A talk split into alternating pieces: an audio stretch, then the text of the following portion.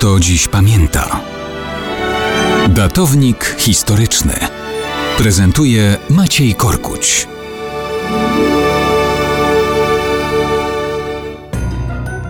Dzisiaj Dzień Matki. Zakładam, że większość Polaków dziś o tym pamięta. Polaków, bo 26 maja tylko my takie święto obchodzimy. Szukałem w internecie wiadomości, która kobieta najczęściej stawała się matką. Inaczej mówiąc, która urodziła najwięcej dzieci.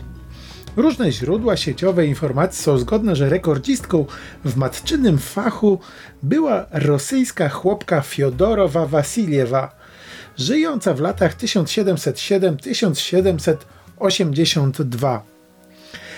Pochodziła z miejscowości o nie najfajniejszej nazwie Szuja pod Moskwą jest wpisana do Księgi Rekordów Guinnessa i za tą księgą informacje te powtarzane są w sieci.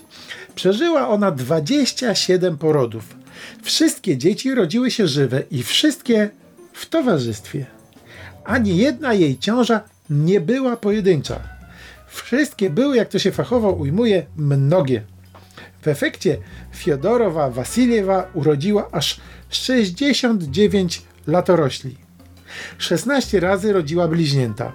7 razy na świat przyszły trojaczki i 4 razy czworaczki. Tylko dwoje z tych dzieci zmarło w wieku niemowlęcym. Ponoć w Rosji stała się prawdziwą legendą, chociaż jakoś dziwnie z tą sławą w tym kraju bywa.